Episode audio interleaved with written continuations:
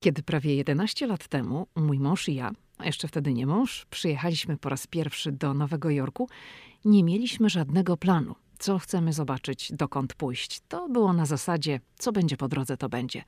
To był weekendowy wypad na Manhattan z Waszyngtonu. Bałam się. Marzyłam o zobaczeniu Nowego Jorku, lecz gdzieś tam w głowie świdrowała mi myśl: a co jeśli się rozczaruję? A co jeśli okaże się, że to wszystko jest fasada, bajka, że na miejscu jest jednak inaczej niż na obrazku? Miałam w końcu głowę nabitą zdjęciami z internetu i filmów. Czy tak było? I tak, i nie, zależy gdzie. Zapraszam na najnowszy odcinek podcastu pod tytułem Kocham Cię Nowy Jorku. Hej, tu Lidia Krawczuk, dziewczyna ze Szczecina, która wylądowała w Waszyngtonie. Ameryka mnie fascynuje, żyję w niej od ponad dekady i cały czas ją odkrywam. Podróż do Stanów Zjednoczonych była zawsze moim marzeniem. Nie sądziłam jednak, że w Ameryce kiedyś zamieszkam. Jeśli ciebie, tak jak mnie, ciekawią Stany i chcesz wiedzieć o nich więcej, to jesteś we właściwym miejscu. Opowiadam tu o Ameryce, o życiu w Stanach i o tym wszystkim, co odkrywam podczas mojej amerykańskiej przygody. Zapraszam na podcast Ameryka i ja. Zaczynamy.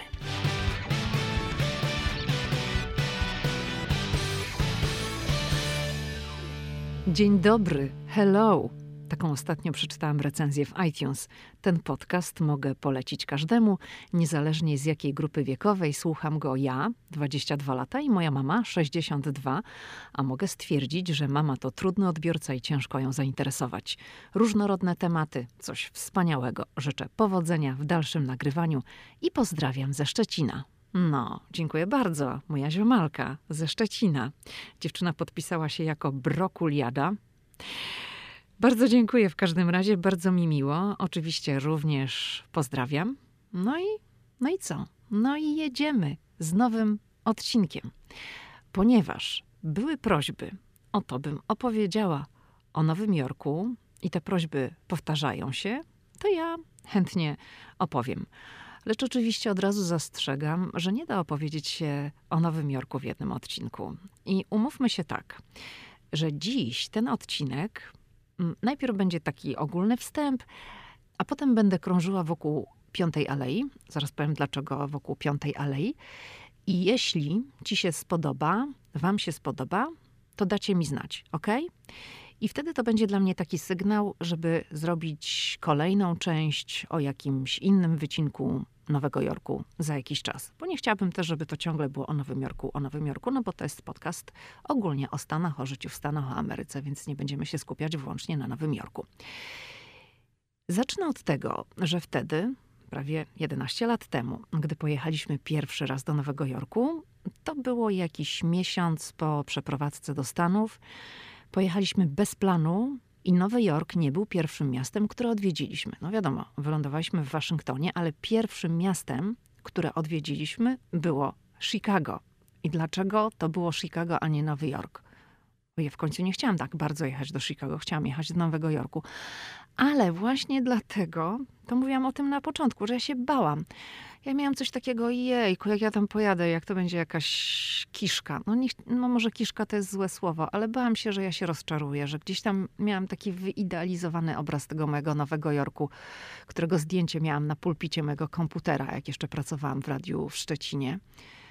I tak sobie myślałam, a jak ja tam pojadę i to nie będzie to, to co?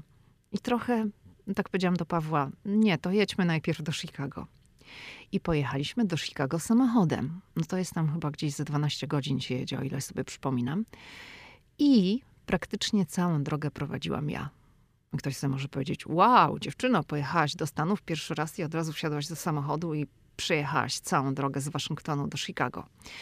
No, muszę powiedzieć tak, że mm, w głównej mierze wyglądało to tak, że jechałam cały czas prosto, ponieważ autostrada z Waszyngtonu do Chicago, no duży jej, długi jej odcinek, to jest po prostu jazda prosto, prosto, prosto. GPS ci tam mówi jedź ileś tam e, set mil prosto. I ja jechałam prosto, ponieważ mój mąż w tym czasie, nie wiem, chciało mu się strasznie spać i praktycznie przespał całą drogę, a ja przejechałam ten cały odcinek. Oczywiście, jak dojechaliśmy do Chicago, to ja mówię, halo, halo, kolego, ty teraz siadasz i ty tutaj się męczysz, nie ja. Także mm, przed wjazdem do Chicago zamieniliśmy się miejscami i ja już po mieście nie miałam ochoty najmniejszej jeździć. Nie, nie, nie, nie byłam taka hej do przodu. Natomiast tą całą autostradę przejechałam i to wtedy również nastąpił taki pierwszy moment, kiedy ja sobie uświadomiłam, jak ktoś mówi, ale masz fajnie, jeździsz sobie, zwiedzasz sobie Stany, możesz sobie przez Stany przejechać. Co? Autostrada, nic więcej. Po prostu to nie jest tak, że jak się jedzie autostradą z Waszyngtonu do Chicago, to po drodze jest tam nie wiadomo co. No nic nie ma, bo to jest autostrada, tak? Co może być przy autostradzie? Także Chicago było naszym pierwszym miastem, takim poza Waszyngtonem, które zobaczyliśmy wspólnie w Stanach. I jak przyjechaliśmy do Nowego Jorku i też pojechaliśmy samochodem, no ale to już jest zupełnie inna trasa, jest o wiele krótsza. Można samochodem dojechać do Nowego Jorku, tak około pięciu godzin się jedzie. To też nie mieliśmy żadnego planu, nie mieliśmy żadnej mapy, nie mieliśmy przewodnika. Wtedy to nie mieliśmy jeszcze iPhone'ów, smartfonów, także no nic nie mieliśmy. To byliśmy trochę jak takie dzieci we mgle. I tak kręcąc się bez planu po Manhattanie, bo przyjechaliśmy już takim późnym bardzo późnym popołudniem. Tam kręciliśmy się po tym Manhattanie bez składu i ładu i tak chodząc, to wylądowaliśmy w końcu przed wejściem do Empire State Building. I to nie było zamierzone, no ale jak już tam kręcąc się, spacerując, zaszliśmy akurat tam, to decyzja była jedna: jedziemy na górę. No i oczywiście, zanim przeszliśmy kontrolę bezpieczeństwa, Trzeba pamiętać, że to był sierpień, czyli szczyt sezonu, dużo ludzi, kolejki i tak dalej. Staliśmy w tych kolejkach, zanim wjechaliśmy tam na samą górę, na ten taras, no to zrobiło się ciemno. No i tam u góry nocny widok z 86 piętra Empire State Building zwalił mnie wówczas z nóg. To było dla mnie coś niebywałego. To nie był mój pierwszy drapacz chmur, bo moim pierwszym drapaczem chmur był John Hancock w Chicago, właśnie jak byliśmy, tam trochę wcześniej w Chicago. I tam mm, pojechaliśmy. Pojechaliśmy tam wówczas do obserwatorium, czyli kupiliśmy sobie bilety. Kolejnym razem, bo ja byłam kilka razy w Chicago i kolejnym razem jak pojechaliśmy, to ktoś nam tam powiedział, że no w sumie jak już byliście w obserwatorium, to pojedźcie do kawiarni, Wtedy w kawiarni to sobie coś kupicie, ale nie płacicie za wstęp i też będziecie mieć fajne widoki.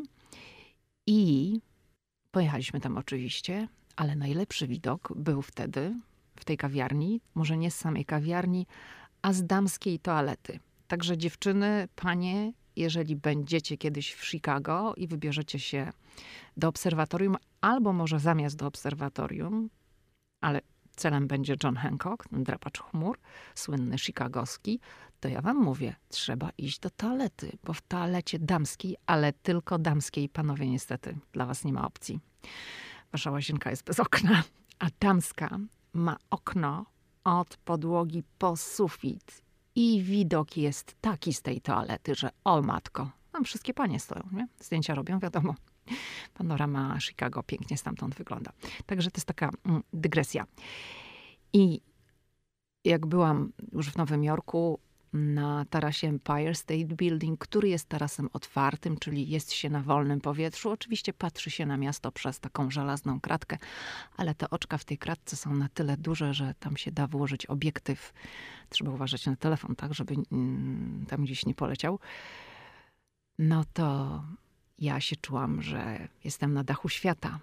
To było zupełnie inne wrażenie niż wrażenie w Chicago, dlatego że obserwatorium w Chicago to jest za szybą. To jest po prostu pomieszczenie, duże pomieszczenie z oknami od podłogi po sufit, ale miasto ogląda się przez szybę. Natomiast Empire State Building jest się na wolnym powietrzu i to jest zupełnie inne wrażenie. I to, co pamiętam, mnie uderzyło tam wówczas na tarasie Empire State Building, to cisza, ponieważ u góry, to jest 86 piętro, nie słychać tak zgiełku miasta. Coś tam dochodzi, ale to jest takie stłumione, tam jest cisza. To jest to, co mnie tak bardzo uderzyło, no i zachwyciło, ponieważ my wjechaliśmy tam już wieczorową porą, także te miliony świateł Nowego Jorku, to było, o matko, wow. coś niesamowitego. No, wbiło mnie wtedy w podłogę totalnie i no, spełniałam swoje marzenie. Byłam na tarasie widokowym w Nowym Jorku, oglądałam sobie ten Nowy Jork. I no cóż, no świat leżał u moich stóp. Ja się wtedy tak czułam. W każdym razie, no wracaliśmy jeszcze potem na ten taras, na Empire i w Chicago, ale to może opowiem przy innych okazjach, bo na wstępie zaznaczyłam, że chcę powiedzieć o Piątej Alei. I dlaczego dziś chcę powiedzieć więcej o Piątej Alei? Dlatego, że jak przyjechaliśmy właśnie wtedy pierwszy raz do Nowego Jorku, to było lato 2009 roku i poszliśmy z Pawłem na spacer tą ulicą, to było następnego dnia po wjeździe na Empire State Building, to ja przeżyłam szok.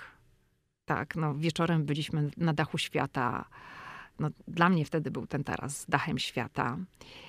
I też jeszcze mogę powiedzieć, że przekonałam się już po iluś razach, mm, że lepszy widok niż z Empire jest Top of the Rock. I jeżeli ty się wybierzesz do Nowego Jorku, to ja, to jest moja opinia.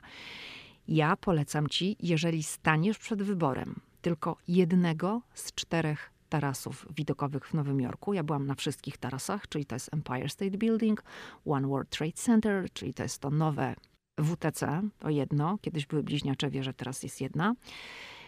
Trzeci teraz to jest Top of the Rock i jeszcze jest ten najnowszy, na którym zakładam ze słuchaczy, to jeżeli ktoś był, to są, to są wyjątki. To jest ktoś, kto musiał być w Nowym Jorku w tym okresie albo jest z Nowego Jorku. To jest teraz otwarty w marcu. To się nazywa The Edge. I ten teraz zaraz zamknęli z powodu pandemii, tak? No bo jesteśmy w cały czas w czasie koronawirusa, ale ja byłam na otwarciu tego tarasu, to było 11 marca. Go zamknęli, no bo wszystko w Nowym Jorku zamknęli. To, jeżeli ty staniesz przed wyborem, który wybrać, a będzie dla ciebie tylko jedna opcja, ze względu albo na czas, albo, no nie wiem, przeliczysz twój budżet i uznasz, że nie chcesz wydawać wjazd na każdy taras to jest 30 dolarów, to jest ponad 30 dolarów, więc nie będziesz chcieć wydawać pieniędzy na wjazd na cztery tarasy i zakładasz, że będzie tylko to jeden, to ja bym wybrała Top of the Rock. Dlaczego? Dlatego, że tam jest the best view ever. Najlepszy widok na panoramę Manhattanu. Ten taras znajduje się na Rockefeller Center. On jest raz, że jest otwarty, ale on jest w samym sercu Manhattanu.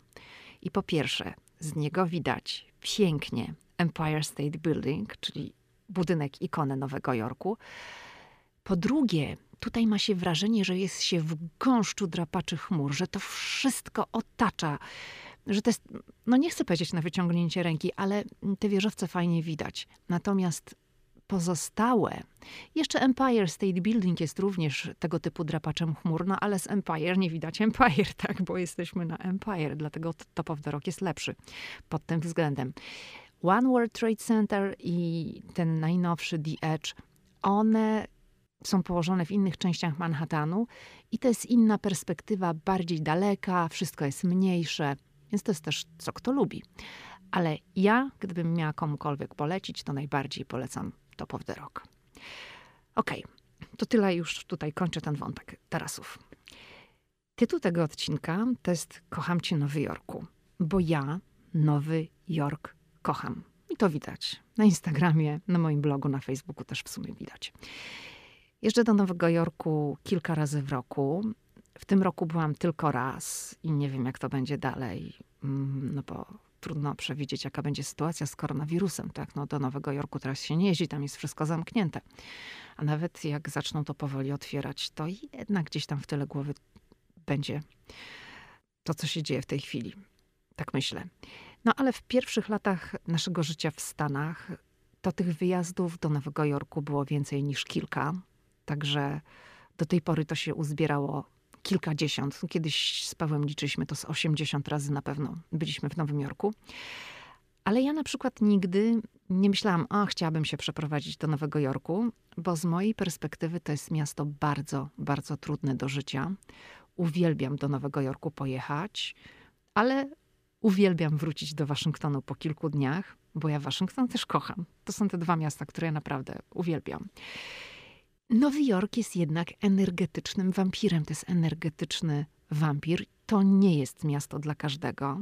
Owszem, to jest miasto ogromnych możliwości, ale też ogromnych, ogromnych wymagań. Dlatego nie każdy daje sobie w tym mieście radę. Jak tak się porozmawia z ludźmi, którzy żyją w Nowym Jorku, oczywiście są zafascynowani, kochają Nowy Jork, ale każdy przyzna, że to nie jest łatwe życie w Nowym Jorku. I wracając do szoku, dlaczego Piąta Aleja to był dla mnie szok? Otóż, tak jak mówiłam, zanim pojechałam do Nowego Jorku, to miałam głowę nabitą obrazkami z telewizji, z gazet i z internetu. No, nie będę ukrywać, ja byłam zafascynowana Manhattanem, a Piąta Aleja w mojej głowie, może w twojej jest inna, ale w mojej, zanim pojechałam i ją zobaczyłam, to było coś niebywale luksusowego i wytwornego. Ja sobie wyobrażałam, że Piąta Aleja w Nowym Jorku to będzie taki elegancki, no może nie deptak, ale no tak, taka aleja elegancka bardzo, po której będą spacerować bardzo wymuskani ludzie, no i przy której będzie pełno luksusowych butików.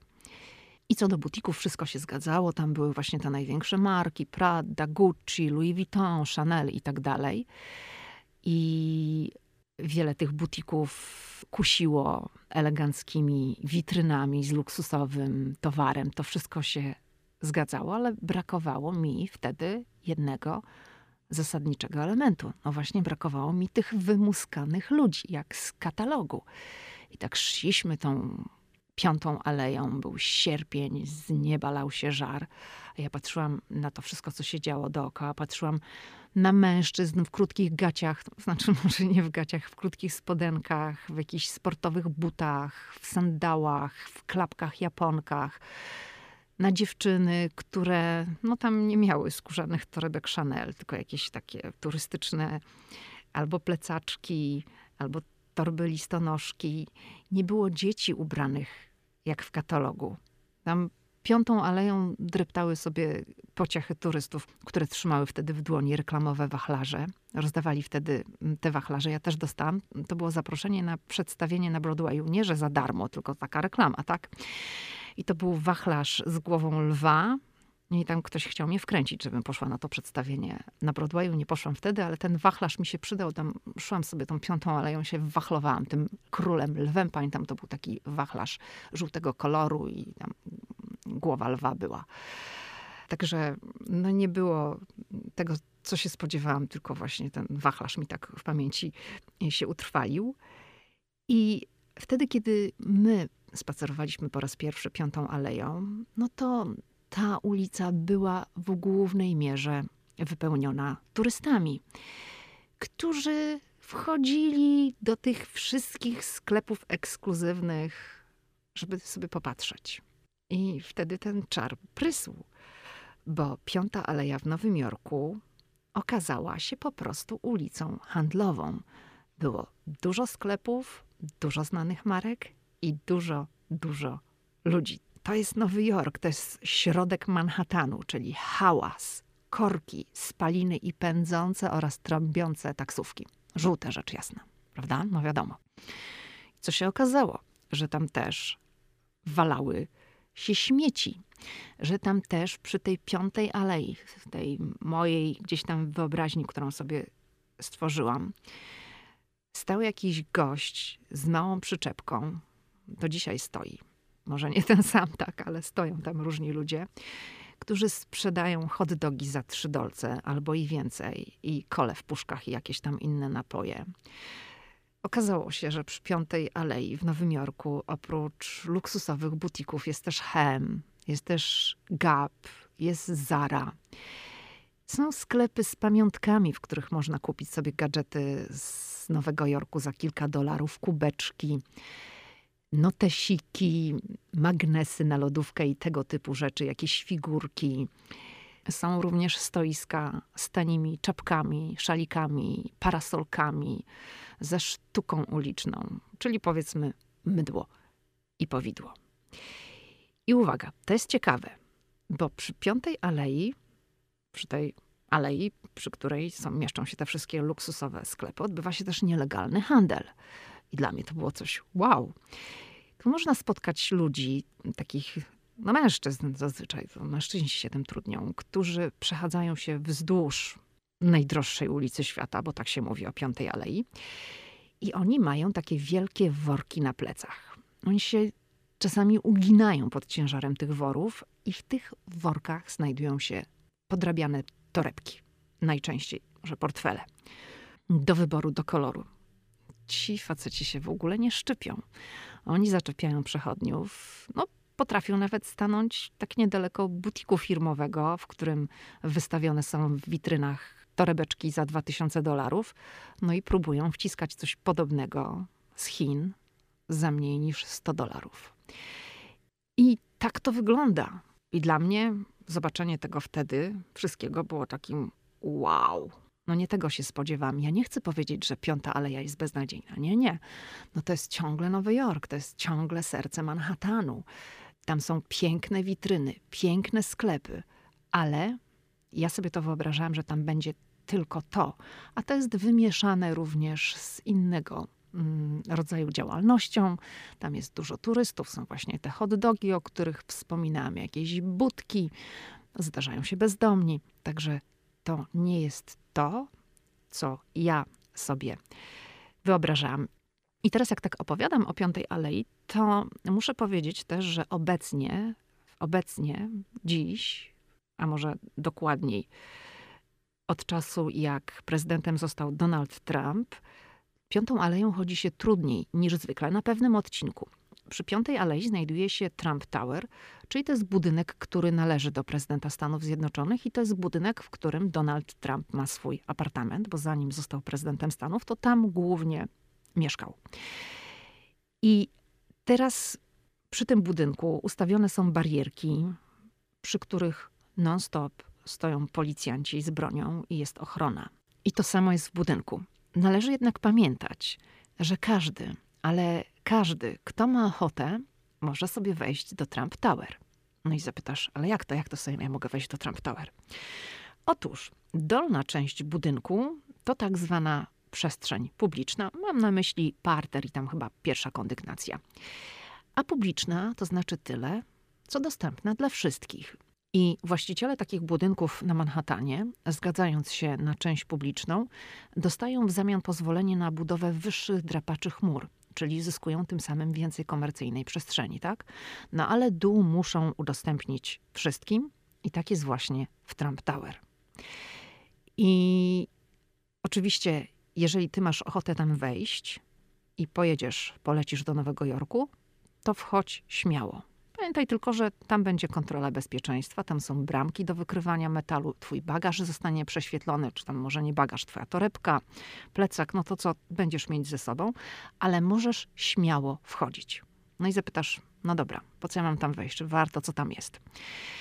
Tam jest Starbucks, czyli możesz tam wejść, żeby napić się kawy, posiedzieć sobie na kanapce i odpocząć chwilę, tak? Bo będziesz spacerować po Nowym Jorku, po Piątej Alei i może będą bolały cię nogi. No to tam jest Starbucks, możesz sobie wejść do Starbucksa. Są tam sklepy z pamiątkami, więc możesz kupić sobie jakąś pamiątkę. Ostatnio jak tam byłam, to są również takie pamiątki, no takie związane z Donaldem Trumpem, jego jakieś tam figurki i tego typu rzeczy. I jak zjedziesz schodami w dół, ruchomymi, tam są schody ruchome w górę i w dół, to tam jest toaleta.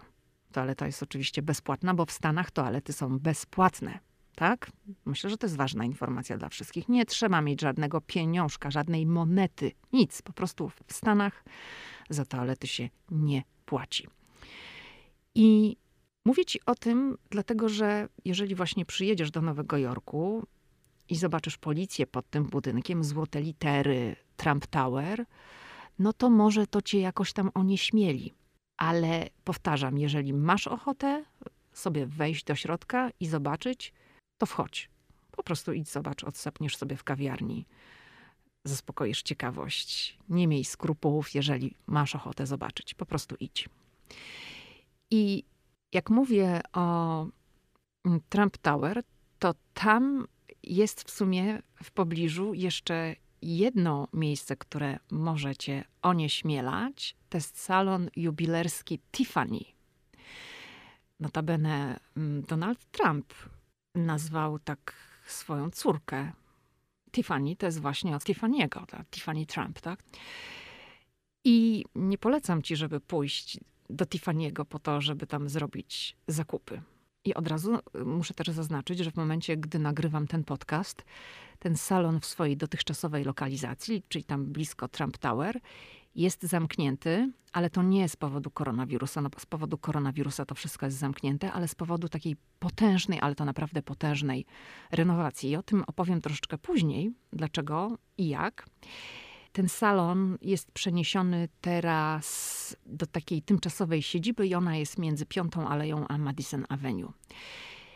Natomiast w tej swojej stałej siedzibie przy Piątej Alei można było przez dekady popatrzeć z bardzo bliska na, na żółty diament, który należy do najsłynniejszych na świecie. I teraz będę mówić o tym diamencie chwilkę, właśnie dlatego, że jak już ty się wybierzesz do Nowego Jorku i ten salon wróci na swoje miejsce, to ja ci polecam, żeby tam wejść i zobaczyć ten diament. Tego diamentu nie ma w tej chwili w tymczasowej siedzibie. Ale to jest rzecz naprawdę, no taka ciekawostka. Ten kamień nazywa się Tiffany Yellow Diamond i on ma taki intensywny kanarkowy kolor. Ja go widziałam. Ten diament wydobyto w drugiej połowie XIX wieku w Afryce Południowej. No i tak już, tak jak mówimy o, o szczegółach, to ten kamień przed oszlifowaniem i cięciem liczył sobie 287 karatów. I on został kupiony przez założyciela tego salonu, Tiffany, za 18 tysięcy dolarów. I przez rok oni nie wiedzieli za bardzo, co z nim zrobić. W, Tiffany nie wiedzieli, w jaki sposób oszlifować diament, żeby go oszlifować tak, żeby on był porażający, ten jego blask. I ostatecznie ten kamień ma 128,5 karata, czyli z 287 i aż 82 ścianki.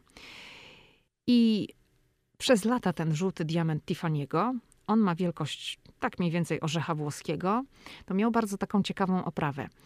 Ten sam diament był traktowany w tym ujęciu jako skała, na której stoi sobie mały ptaszek. Czyli zrobiono takiego ptaszka, który był ze złota i dodatkowo wysadzono tego ptaszka brylancikami, żeby też się błyszczał i on, ten ptaszek sobie siedział na skale, a tą skałą był ten słynny kanarkowy diament Tiffany'ego. I ja właśnie zobaczyłam ten diament w takim wydaniu, jak ptaszek sobie na nim siedział.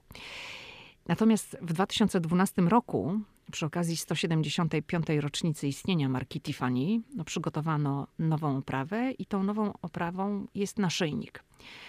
No i to już jest wersja na bogato, bo to jest naprawdę taki masywny naszyjnik i rok temu miała ten naszyjnik na sobie Lady Gaga w czasie ceremonii rozdania Oscarów. No, Tiffany wypożyczył mm, piosenkarce ten, ten diament i ona właśnie zaprezentowała się w Hollywood na czerwonym dywanie w pięknej czarnej sukni. No i jej dekolt zdobił mm, właśnie ten diament. I ja pierwszy raz zobaczyłam diament Tiffany'ego w 2009 roku. On się znajdował w takiej specjalnej gablocie. No, na pewno ona tam cuda na kiju, jeżeli chodzi o zabezpieczenie, ale można było spokojnie, swobodnie podejść do tej gabloty i popatrzeć sobie na ten diament.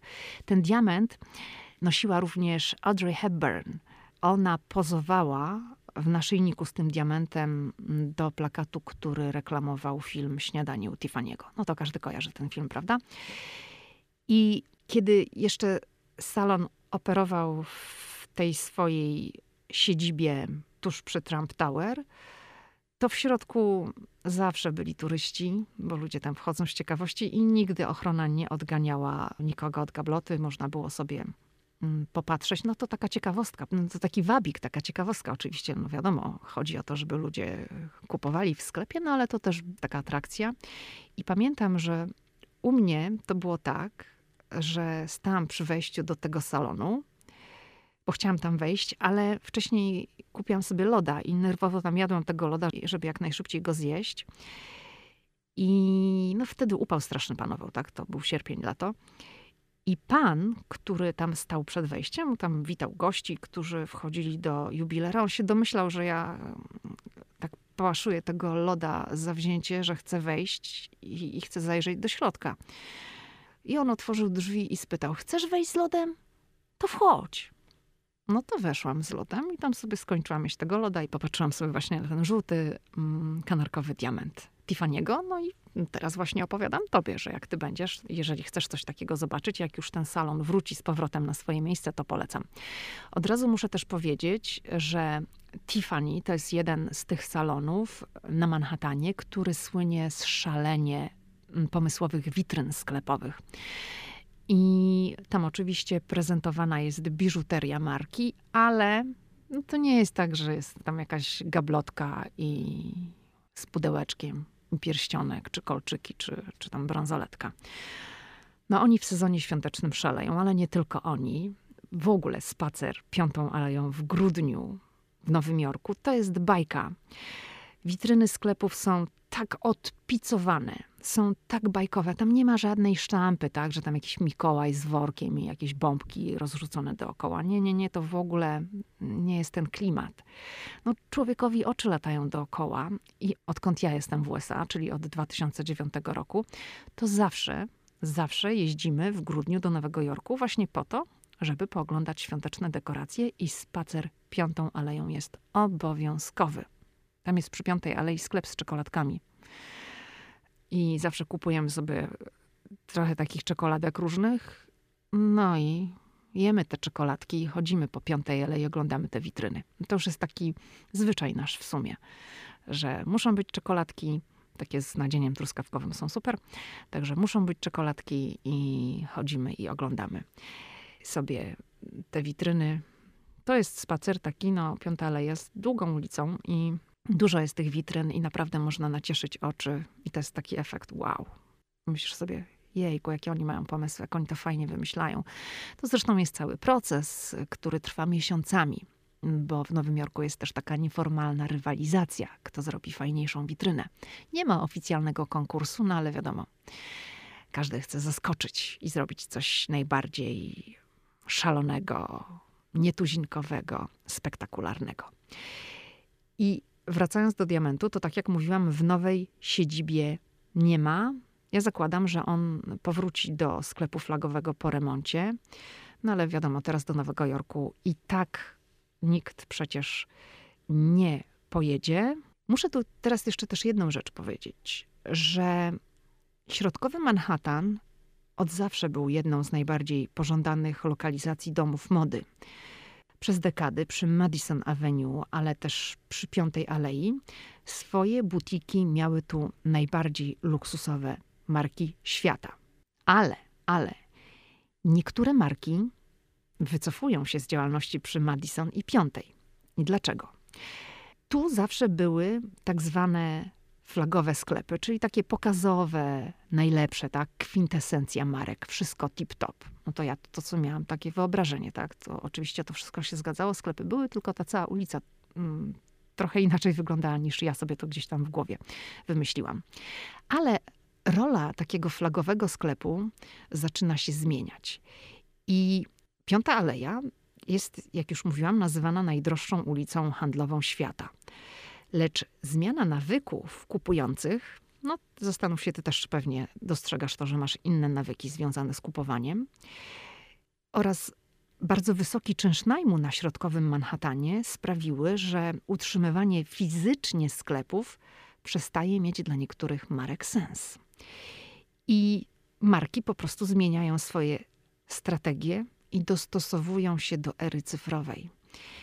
I kiedyś producenci dóbr luksusowych używali butików na środkowym Manhattanie, czyli tam właśnie przy Piątej Alei między innymi, do przyciągania zamożnych nowojorczyków oraz zamożnych turystów, którzy przybywali do Nowego Jorku. I utrzymywanie tych flagowych sklepów kosztowało majątek, no ale ponoszono te koszty, ponieważ no, te sklepy były taką wizytówką tych marek. Tutaj eksponowano najnowszy towar, tak? No ale dziś to już nie trzeba tego robić na taką skalę, dlatego że coraz więcej osób wybiera internet. Marki luksusowe to są marki, które mają ugruntowaną pozycję, prawda? I w związku z tym, że coraz więcej osób wybiera internet, gdzie można robić zakupy w zaciszu własnego domu, wszystko przejrzeć dokładnie i zobaczyć zdjęcia, no to marki też sobie zdały z tego sprawę, że no nie trzeba robić tego na tak wielką skalę. Oczywiście te sklepy luksusowe tam ciągle są, ale niektóre marki znikają. I każdy, kto spacerował Piątą Aleją albo Madison Avenue, wie, że luksusowe butiki świecą w ostatnich latach tam często pustkami. Jak tam się przychodzi, to często tam nie ma w ogóle nikogo. No jest, są tylko pracownicy sklepów. Tak? Stoją i czekają, czy ktoś przyjdzie. Tam nikogo nie ma. I może powiem, ile tam czynsz najmu kosztuje, bo poszukałam tej informacji i znalazłam taką informację akurat na portalu CNN, że w 2019 roku średnio za stopę kwadratową trzeba było zapłacić przy Piątej Alei 2668 dolarów. 10 stóp kwadratowych to jest niecały metr kwadratowy, a ja mówię o stopie. Jedna stopa 2668 dolarów. No to można sobie wyobrazić, jakie to są koszty. Jednak, jednak nie oznacza to, że wszystkie marki podążają w tym samym kierunku, bo jak mówię, ciągle te marki przy Piątej Alei są i jeżeli ty pójdziesz sobie tam na spacer, to zobaczysz wszystkie wielkie znaki firmowe, tam jedno, drugie, trzecie, czwarte logo. Ten wspomniany salon jubilerski, o którym mówiłam, Tiffany, on inwestuje w swój flagowy sklep. Oficjalnych liczb nie ma, ale czytałam, że to ma być jakaś renowacja podobno za 250 milionów dolarów. Ja nie wiem, co oni tam zrobią. I po co oni to robią?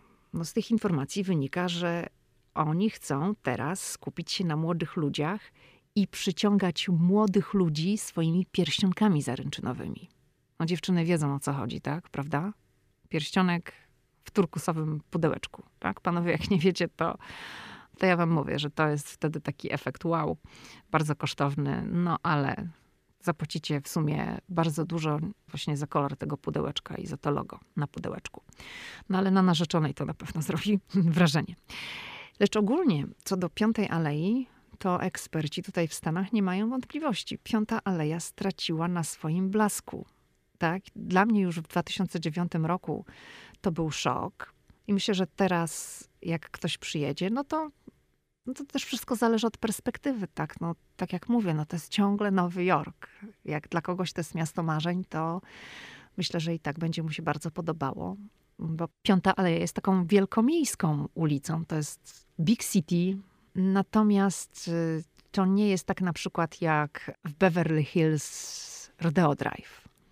To jest zupełnie inaczej. Tam powiedziałabym przy Rodeo Drive jest chyba bardziej luksusowo, moim zdaniem. Może dlatego też, że to jest o wiele krótsza ulica.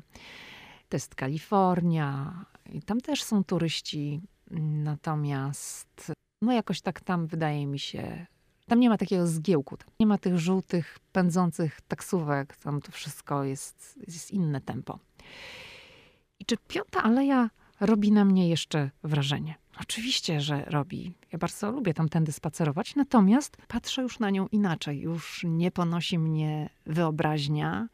Lubię przejść się piątą aleją, popatrzeć na witryny sklepowe, bo one są robione z polotem przez cały rok. To nie jest tylko tak, że tam są cuda na kiju mm, w sezonie świątecznym. W sezonie świątecznym oczywiście to jest jeszcze wszystko bardziej, y, powiedziałabym, podkręcone dochodzą jeszcze takie światła świąteczne gdzieś tam na samej ulicy. Natomiast zawsze witryny sklepowe przy Piątej Alei są nietuzinkowe i to też mm, fajnie jest tamtędy sobie pochodzić i popatrzeć. Także jeżeli przed tobą dopiero pierwsza podróż do Nowego Jorku, kiedyś oczywiście, tak, jak już będziemy po pandemii i będzie bezpiecznie, będziemy mogli swobodnie podróżować, mam nadzieję, że dzięki temu podcastowi będziesz mieć jakieś wyobrażenie. Jasne, halo, to jest Nowy Jork. Drapacze chmur, tłok, ścisk, klaksony. Jestem zresztą ciekawa, jak to odbierzesz, bo też mówi się tak, że Nowy Jork albo się kocha, albo się nienawidzi. I niektórzy po przylocie do Nowego Jorku są rozczarowani i mają dosyć. No, tak jak powiedziałam, to jest energetyczny wampir. To miasto wysysa energię i nie każdy daje tam radę, bo tam głowa cały czas pracuje. To, to nie jest miejsce, w którym się tak odpoczywa i regeneruje, bo tam jest tyle bodźców, że mózg, mózg paruje. być może ty pokochasz to miasto, ale, a być może powiesz, nie, nie, nie, to nie jest dla mnie. Tu można oszaleć, weź się. Nie, nie. No jestem ciekawa. Ja bardzo lubię Nowy Jork, ale lubię go na chwilę. Lubię tam pojechać na weekend, na 3-4 dni i potem wrócić do Waszyngtonu, w którym też jest duże tempo życia. Natomiast Waszyngton jest zupełnie innym miastem. Jest miastem, gdzie jest mnóstwo przestrzeni, mnóstwo zieleni i człowiek, nawet jak jest w centrum ruchliwego miasta, jakim jest Waszyngton, to głowa mu może odpocząć właśnie z powodu tej przestrzeni i z powodu zieleni. Ok. Na koniec bardzo chciałabym podziękować za wszystkie recenzje, takie wspaniałe recenzje w Apple Podcast i z tych recenzji, ale też z wiadomości, które dostaję na Instagramie, na Facebooku, dowiaduję się, że słuchają mnie również Polacy mieszkający w Stanach, którzy dowiadują się ode mnie masy nowych rzeczy i ciekawostek. I to mnie bardzo cieszy, to jest bardzo fajne, że również ludzie, którzy mieszkają tutaj, niektórzy dłużej ode mnie, po 20 lat, niektórzy krócej, również mogą czerpać z tego podcastu. Ja myślę, że to wynika w dużej mierze z zawodu, który uprawiam od lat i dla mnie poszukiwanie informacji, drążenie tematów, zdobywanie ciągle nowych tematów, mm, interesujących historii i przekazywanie też ich w jak najbardziej interesujący sposób, to wszystko jest dla mnie czymś naturalnym. I to doświadczenie zawodowe, jak również fakt, że jestem tu ponad dekadę, no, mogę tutaj to wszystko wykorzystywać, dzielić się moją wiedzą na temat Stanów Zjednoczonych, wykorzystując również przy tym głos, który, jak wynika z tych wiadomości, również lubicie. I bardzo mi z tego powodu miło. Dobrze, to dajcie mi znać, czy jakiś inny wątek o Nowym Jorku ma się tutaj pojawić znów za jakiś czas? Czy macie dosyć Nowego Jorku? Czy chcecie wiedzieć więcej i czy chcecie słuchać o Nowym Jorku więcej? Jest jeden taki odcinek, w którym mówiłam o żółtych nowojorskich taksówkach. Który to był numer? Chwileczkę, zaraz może sprawdzimy. Muszę tutaj przewinąć sobie, bo mam przy sobie komputer. O, dziesiąty. Żółta nowojorska taksówka. Czyli co zrobić, żeby nie odjechała ci sprzed nosa. Taki podcast nagram. To jest dziesiąty odcinek. Także no, jeżeli ktoś nie słuchał, a ma ochotę jeszcze zanurzyć się w te nowojorskie tematy, to zapraszam. I to tyle, jeżeli chodzi o ten wątek nowojorski. I ja jestem otwarta na propozycje tematów od słuchaczy podcastu. Także jeżeli macie jakieś pomysły, to piszcie do mnie, tak?